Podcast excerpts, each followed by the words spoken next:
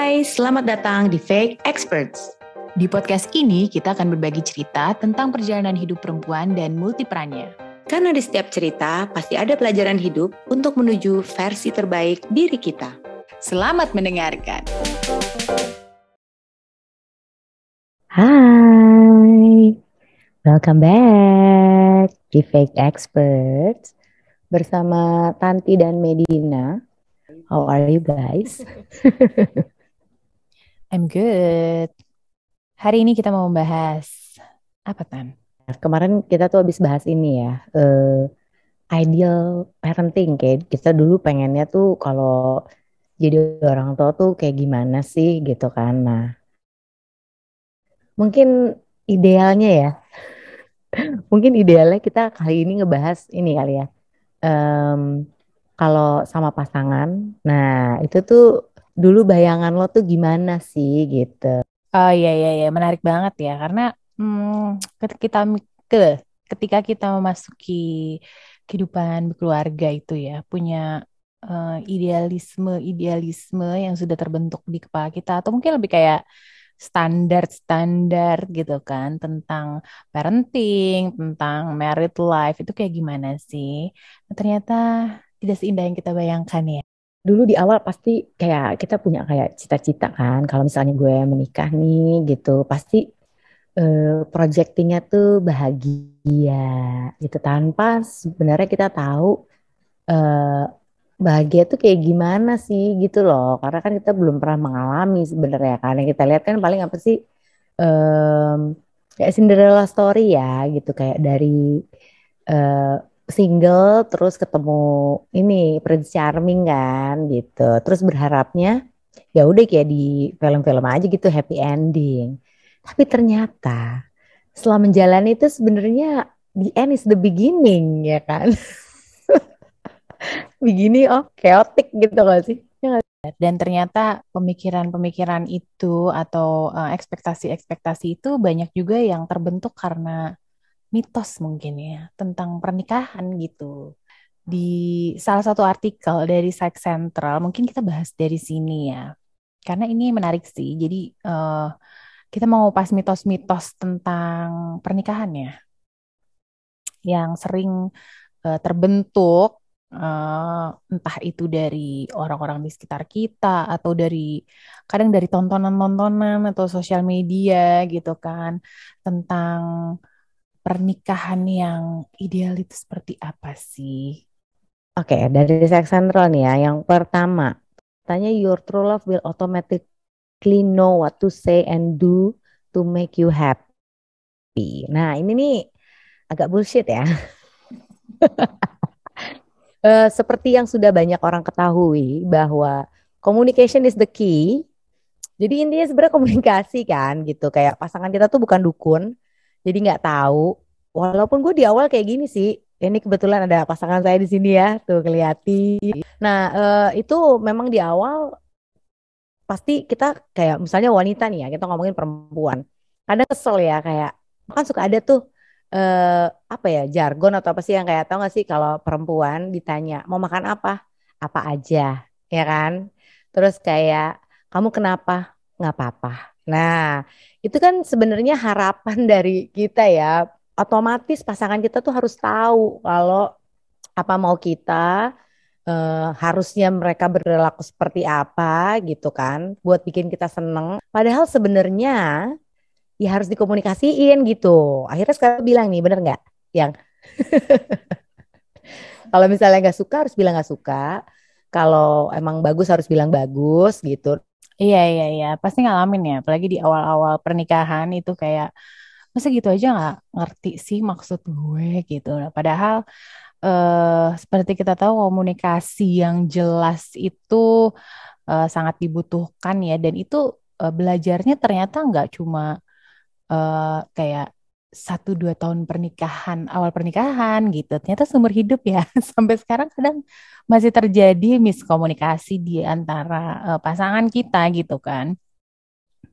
Dan uh, di sini dibilang bahwa ya you cannot expect the other person to read your mind gitu. Nah ini mungkin ada kaitannya dengan uh, tipe MBTI juga ya yang kita bahas dengan Bu Tuti waktu itu bahwa tipe komunikasi pasangan kita ini belum tentu sama dengan kita. Nah, di situ kita harus belajar memahami uh, caranya dia ketika berkomunikasi juga gitu. Uh, bahwa ternyata itu ya, belajar itu seumur hidup.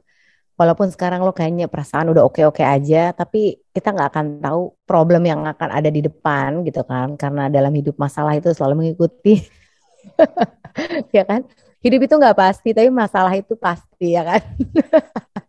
uh, yang kedua tuh there's a universal path in marriage such as having kids. Jadi pokoknya kalau nikah tuh pathnya tuh pasti nikah, terus punya anak, gitu kan. Kalau misalnya nggak punya anak pasti ditanya kan, belum punya anak gitu, atau uh, ada yang suka sibuk kayak ke dokter ini kali, ke dokter itu kali gitu. Padahal mungkin tanpa bertanya dulu, mungkin banyak orang yang menunda ya. Kadang ada yang kayak kita mau serang-serang dulu nih sebagai pasangan gitu, misalnya akhirnya menunda mungkin setahun, mungkin ada yang lima tahun gitu.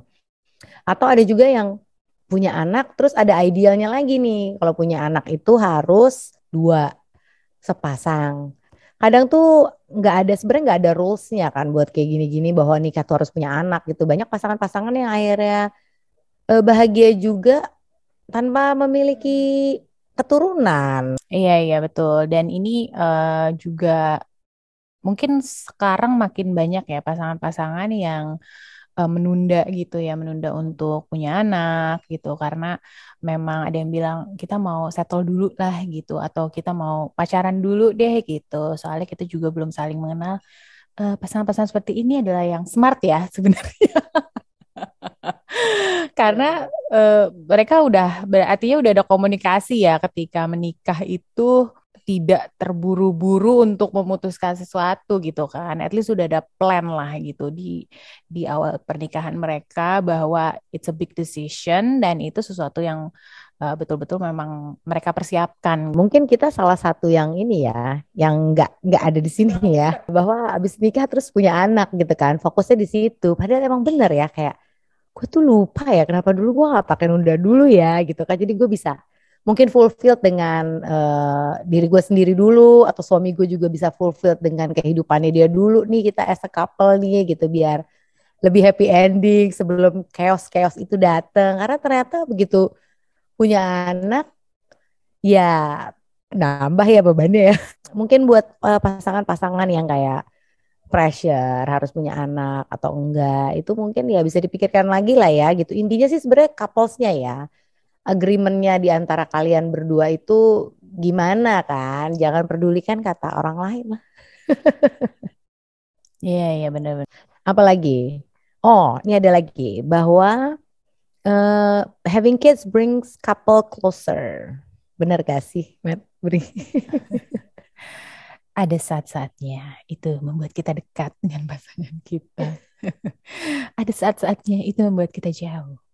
Nah, ini uh, hubungannya dengan tadi ya mungkin ekspektasi masing-masing uh, pasangan itu dengan uh, apa namanya ya ekspektasi terhadap anak lah dari setiap pasangan bisa jadi kan berbeda ya dan banyak yang memang berbeda gitu.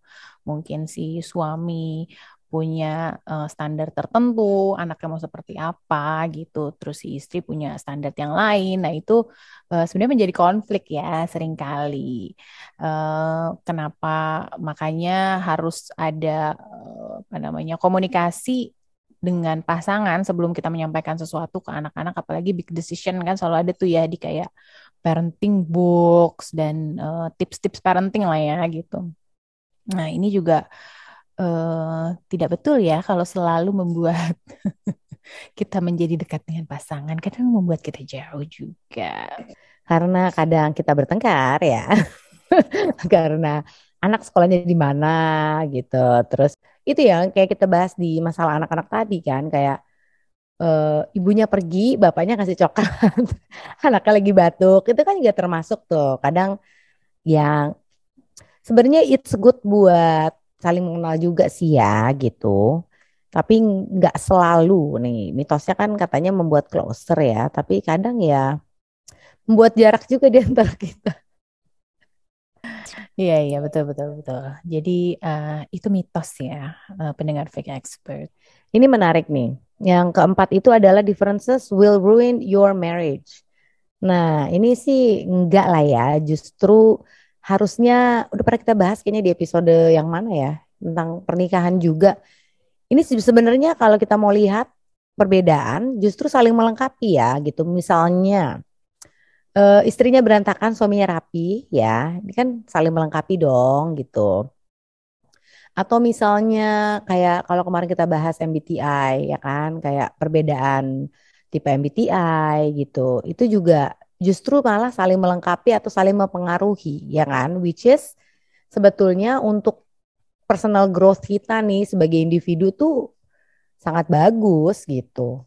Kalau gue sih ini menurut gue tergantung mindset ya. Kalau yang melihatnya differences will ruin your marriage ini memang banyak juga yang memiliki mindset seperti itu ya. Artinya mungkin yang dilihat sisi negatifnya aja gitu ya dari pasangan sehingga memang akhirnya si mitos ini jadi kenyataan gitu. Jadi emang ruin their marriage gitu kan. Tapi untuk yang bisa melihat itu sebagai kayak tadi lo bilang itu saling melengkapi which is lebih ke positif reactionnya gitu uh, terhadap apa namanya perbedaan pasangan kita nah ini yang mungkin uh, differences will ruin your marriage. Ini menjadi mitos gitu. Tapi um, ya itu tadi ya tergantung mindset kita apakah kita mau growing bersama atau ya udah nih nggak bisa nih kita beda banget gitu. Mindsetnya mungkin harus di set melihat bahwa itu adalah sesuatu room for improvement kali ya untuk melihat uh, perbedaan dari pasangan kita. Bener, bener, bener banget. Tapi ini semua mungkin juga butuh proses ya gitu bahwa mungkin kalau misalnya kita di awal pernikahan ya kayak misalnya lima tahun pertama gitu ya bahwa si mitos ini sebenarnya adalah uh, fun fact ya. fun fact yang pasti terjadi gitu kan. Iya kan, kalau misalnya kayak uh, lima tahun pertama gitu, misalnya uh, ini terjadi ya perbedaan-perbedaan ini justru adalah sebenarnya proses pengenalan kan gitu. Ya benar kata lo juga bahwa mindset kita nih mungkin di awal juga mindset kita belum terbentuk ya gitu. Uh, pasti banyak pasangan-pasangan yang kaget nih, gila ya ternyata suami gue kayak gini atau misalnya uh, prianya ternyata istri gue kayak gini gitu misalnya itu kan perbedaan-perbedaan yang memang butuh waktu untuk uh, penyesuaian kan gitu. Jadi mm, mungkin ada benernya juga gitu.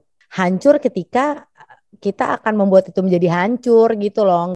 Mungkin kalau misalnya udah lama akhirnya dengan proses ya mungkin ada level of acceptance juga kan gitu. Akhirnya menerima bahwa ya memang perbedaan itu ternyata gitu malah justru melengkapi dan membuat kita menjadi manusia yang ya proses belajar ya gitu menjadi manusia yang lebih baik lah. Iya iya iya makanya kita suka dengar juga tuh ya cerita-cerita uh, di kayak lima tahun enam tahun orang uh, apa cerita lu pernah gak sih kayak hampir ber berantem yang hampir rasanya pengen pisah gitu. Uh, ada beberapa cerita dari teman yang kayak gitu karena mungkin di uh, apa namanya ya pernikahan awal-awal itu kita masih saling mencoba untuk memahami gitu ya. Tapi dan itu juga nggak nggak nggak sebentar gitu. Memang memang bertahun-tahun dan mungkin bahkan sampai di tahun ke-10 masih ada yang seperti itu gitu. Memang perjalanan uh, pernikahan orang untuk sampai bisa memahami ke situnya itu uh, berbeda-beda ya gitu Iya benar. Oh, yang kita lupa adalah ya mungkin ini ya, kalau misalnya sampai si mitos ini adalah benar terjadi nih gitu, bahwa perbedaan itu eh, apa bisa menghancurkan pernikahan ya, mungkin ada hubungannya sama ego juga kali ya, gitu kayak kita sibuk mempertahankan ego kita dan kita fokus di perbedaan itu aja gitu tanpa mencari solusi atau meluruhkan ego-ego kita ya mungkin ini akan terjadi sih. Oke, kita lanjut ke yang selanjutnya. Happy couple don't argue. Nah, ini nih mulai beberapa tahun terakhir ini gue tuh mulai menyadari ya bahwa sebenarnya kan kadang kita memang suka lihat ya kayak fairy tale fairy tale gitu yang eh mereka nggak berantem gitu. Kalau kita argue tuh kayaknya kita tuh pasangan yang sangat tidak harmonis gitu ya.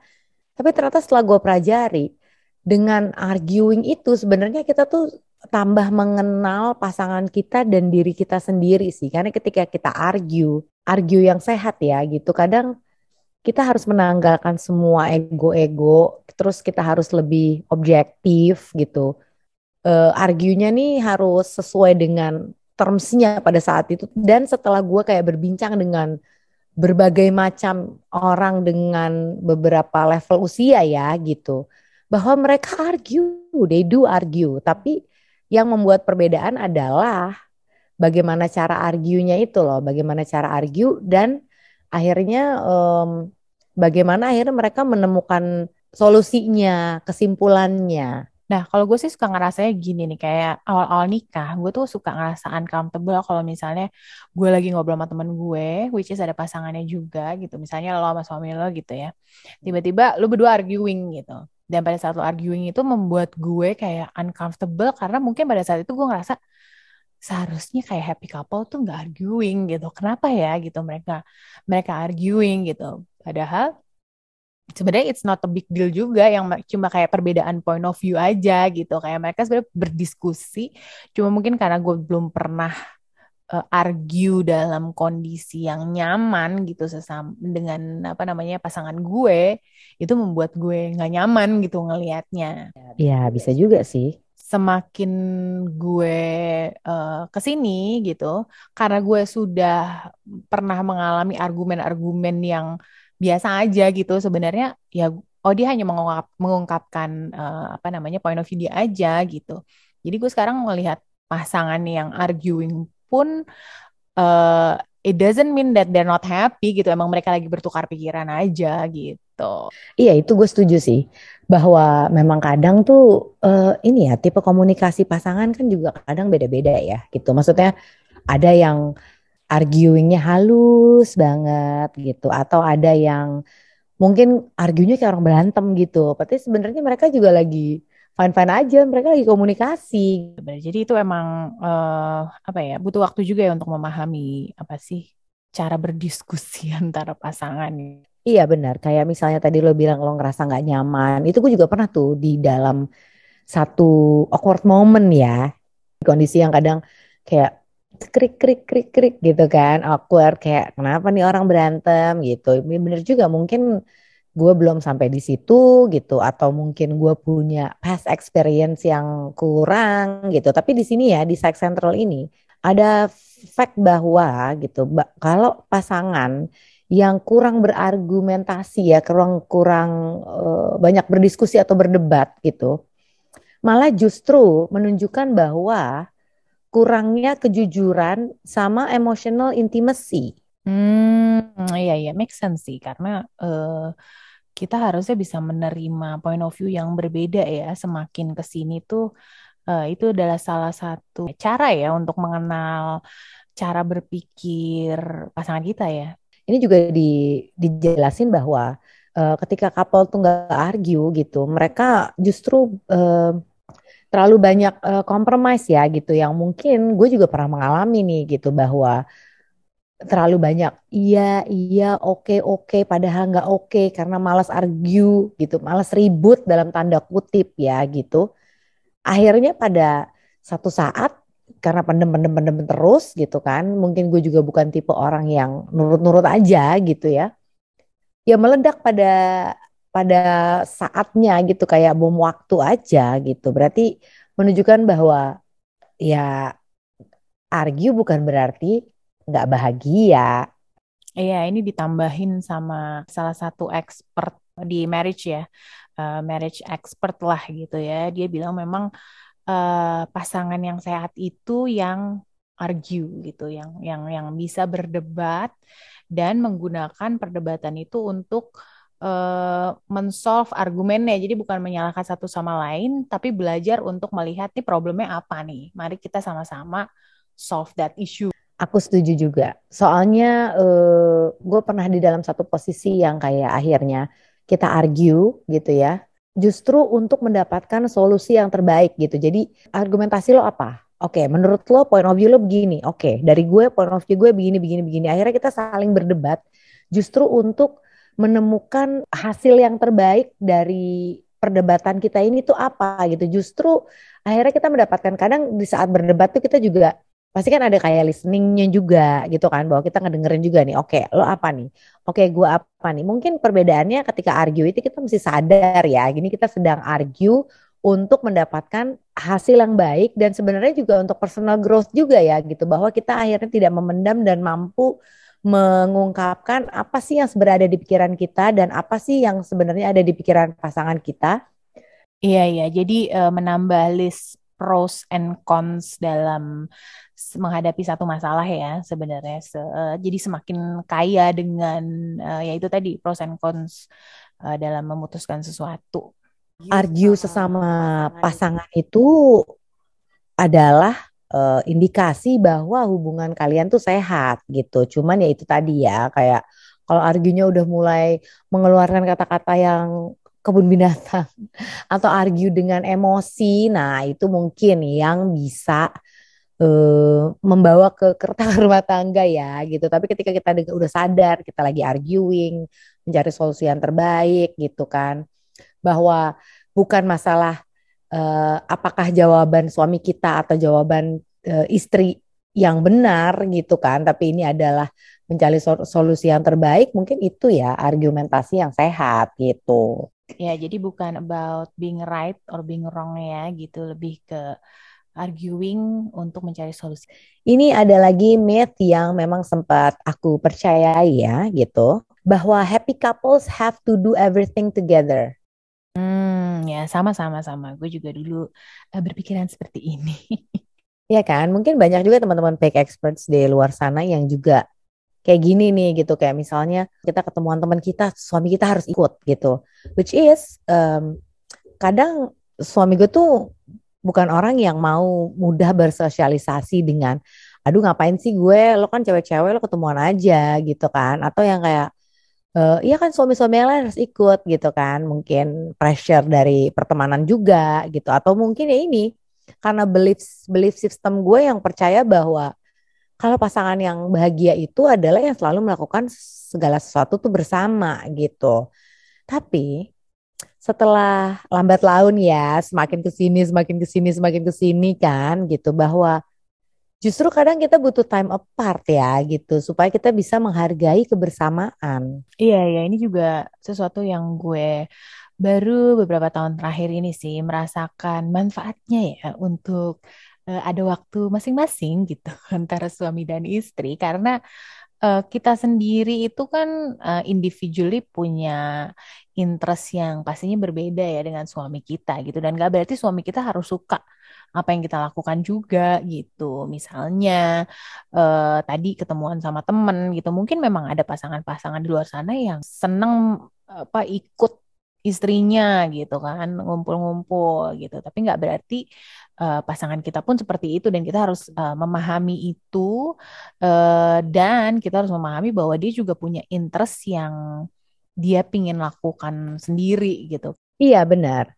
Uh, kadang fokus ke apa yang kita mau kesenangan kita apa itu juga sesuatu yang sehat gitu kan sebetulnya kan gitu. Dan juga mungkin yang penting adalah ketika kita time apart nih gitu ya misalnya uh, suami lo tuh pergi sama teman-temannya gitu. Atau having fun lah ya dengan uh, teman-temannya mungkin pria-pria gitu. Atau kita nih dengan teman-teman kita yang mungkin uh, di antara temennya suami istri ini pasti ada yang perempuan kan gitu. Misalkan teman suami kita ada yang perempuan atau teman gue mungkin ada juga yang laki-laki gitu kan. Sebenarnya ini juga ini ya mem membuild uh, kepercayaan kita terhadap pasangan gitu. Kayak sense of safety gitu kayak aman gak ya suami gue atau gini sebenarnya nge-build itu juga kan Iya, iya, benar-benar benar. Jadi kalau uh, selama ini yang ditekankan itu adalah me time dari anak-anak ya biasanya ya, terutamanya untuk ibu-ibu tuh kayak butuh me time dari anak-anak. Nah, kadang kita juga butuh me time gitu sesama pasangan itu karena memang uh, ya namanya me time ya. Jadi memang fokus pada diri kita sendiri dan melakukan apa yang yang kita suka. Iya, benar. Sama ini mungkin yang paling berbahaya adalah ketika misalnya uh, kita memaksa pasangan kita untuk ikut sama kita atau kita dipaksakan atau kita memaksakan bahkan mungkin memaksakan diri kita sendiri untuk mengikuti apa yang pasangan kita suka, pasangan kita mau. Ini end up-nya nih kadang suka merasa ini tau nggak lo terjebak dalam pernikahan, nggak bebas gitu kan, kayak diajakin teman, let's say nih ya, kalau mungkin udah udah punya anak gitu kan, kadang ada beban-beban rumah tangga gitu kan, terus teman ngajakin hangout, nggak bisa. Jadi karena kita suka terjebak ya kayak ketika gue nikah tuh gue nggak bisa kayak dulu lagi gitu. Ya memang ada hal-hal yang of course gitu kan, nggak nggak sama. Tapi sebetulnya kebahagiaan kita yang dulu, ketertarikan kita terhadap hal-hal yang kita suka tuh sebenarnya masih bisa kita lakukan. Kayak waktu itu kita pernah bahas juga tuh suami-suami takut istri ya kan, eh, nggak uh, boleh hangout suaminya gitu sama teman-temannya, atau eh, ibu-ibu uh, yang guilt selalu guilty feeling gitu kan, karena uh, butuh me time tadi itu gitu. Nah ini juga akhirnya menjadi apa ya resentment tuh apa ya kayak ini jadi kesel ya sama sama pasangan sendiri uh, malah jadi nggak nggak sehat. Iya benar, benar, benar. Jadi daripada kita memendam amarah ya karena mungkin merasa terperangkap atau dunia ini tidak adil ketika misalnya pasti banyak ya wanita-wanita yang harus di rumah aja nungguin anak, nungguin rumah gue gitu. Tapi suami-suami berkeliaran di luar sana. Jadi sebenarnya sama aja, semua itu cuman butuh cuman butuh apa ya komunikasi gitu kan. Jadi terus eh, nggak perlu semua semua tuh harus berbarengan gitu. Jadi bisa lah kita lakukan sendiri sendiri selain untuk tadi membangun apa tuh kepercayaan terhadap pasangan kita juga gitu. Our own safety bahwa oh gue safe juga kok gue di rumah atau gue keluar safe juga kok pasangan gue oke okay juga. Sama ya itulah kesel tadi karena pasti banyak kesel karena itu kan berperangkap kayak gila ya lo ke luar sana gue gini-gini nah itu ya. Tapi ini balik lagi ke mitos-mitos yang sebelumnya ya, dia bahwa argue it's okay dan lo harus komunikasi. Iya betul betul. Malah kadang uh, me time itu misalnya nih kita pergi ke satu tempat yang baru, terus uh, sama teman-teman gitu ya, malah kepikiran kadang kan, aduh gue pengen ngajakin suami gue nih gitu date night ke sini, malah jadi kepikiran kangen loh. Nah yang terakhir nih ya, monogamy means dissipating passion or boring sex. Nah, ini lumayan penting ya untuk pasangan-pasangan ya gitu. Kadang kayak atau mungkin yang belum menikah ya kan kayak aduh gitu. Cuman setia pada satu orang saja gitu. Apakah gue nanti hilang minat gitu misalnya. Pasti ada proses, maksudnya pasti ada transisi lah ya gitu kayak ada momen-momen di mana kita kadang bosen sama pasangan kita ya namanya juga uh, seumur hidup bersama kan janjinya ya gitu. Lo pernah ngalamin gini gak Matt? Kayak misalnya, aduh gue bosen deh atau gini lagi gini lagi nih gitu. Pasti ada tuh periode-periode itu. Hmm, gak pernah sih gue ngerasa kayak gitu. Jangan bohong Anda. Hujan-hujan lagi ya ngomongin uh, permasalahan seperti ini.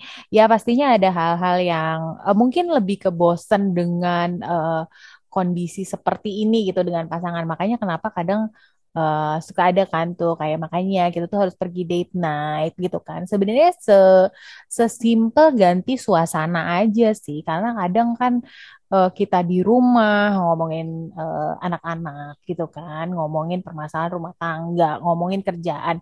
Yang diomongin kan seputar-putar itu aja biasanya. Sementara ketika ambience-nya beda nih ya kan? Pergi ke ke ke uh, sekedar makan berdua aja gitu misalnya ya. Nggak harus ke yang sesuatu yang apa tempat yang jauh atau yang wah atau yang gimana. Tapi sekadar spending time di apa suasana yang baru tuh kadang uh, membantu juga sih untuk um, menambah apa topik-topik pembicaraan yang baru gitu ya makanya itu pentingnya ya kita harus uh, menyediakan waktu bersama pasangan kita supaya menimbulkan uh, api-api cinta ya.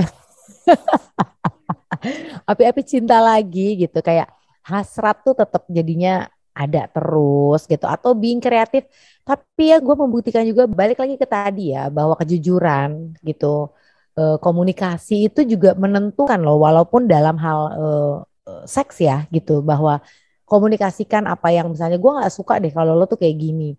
Atau misalnya gue suka deh kalau lo tuh begini gitu misalnya. Iya betul betul. Karena uh, seperti banyak juga ya tips-tips dalam marriage relationship untuk membicarakan hal yang sepertinya tabu uh, seperti hubungan intim ini juga ternyata penting gitu. Karena hmm.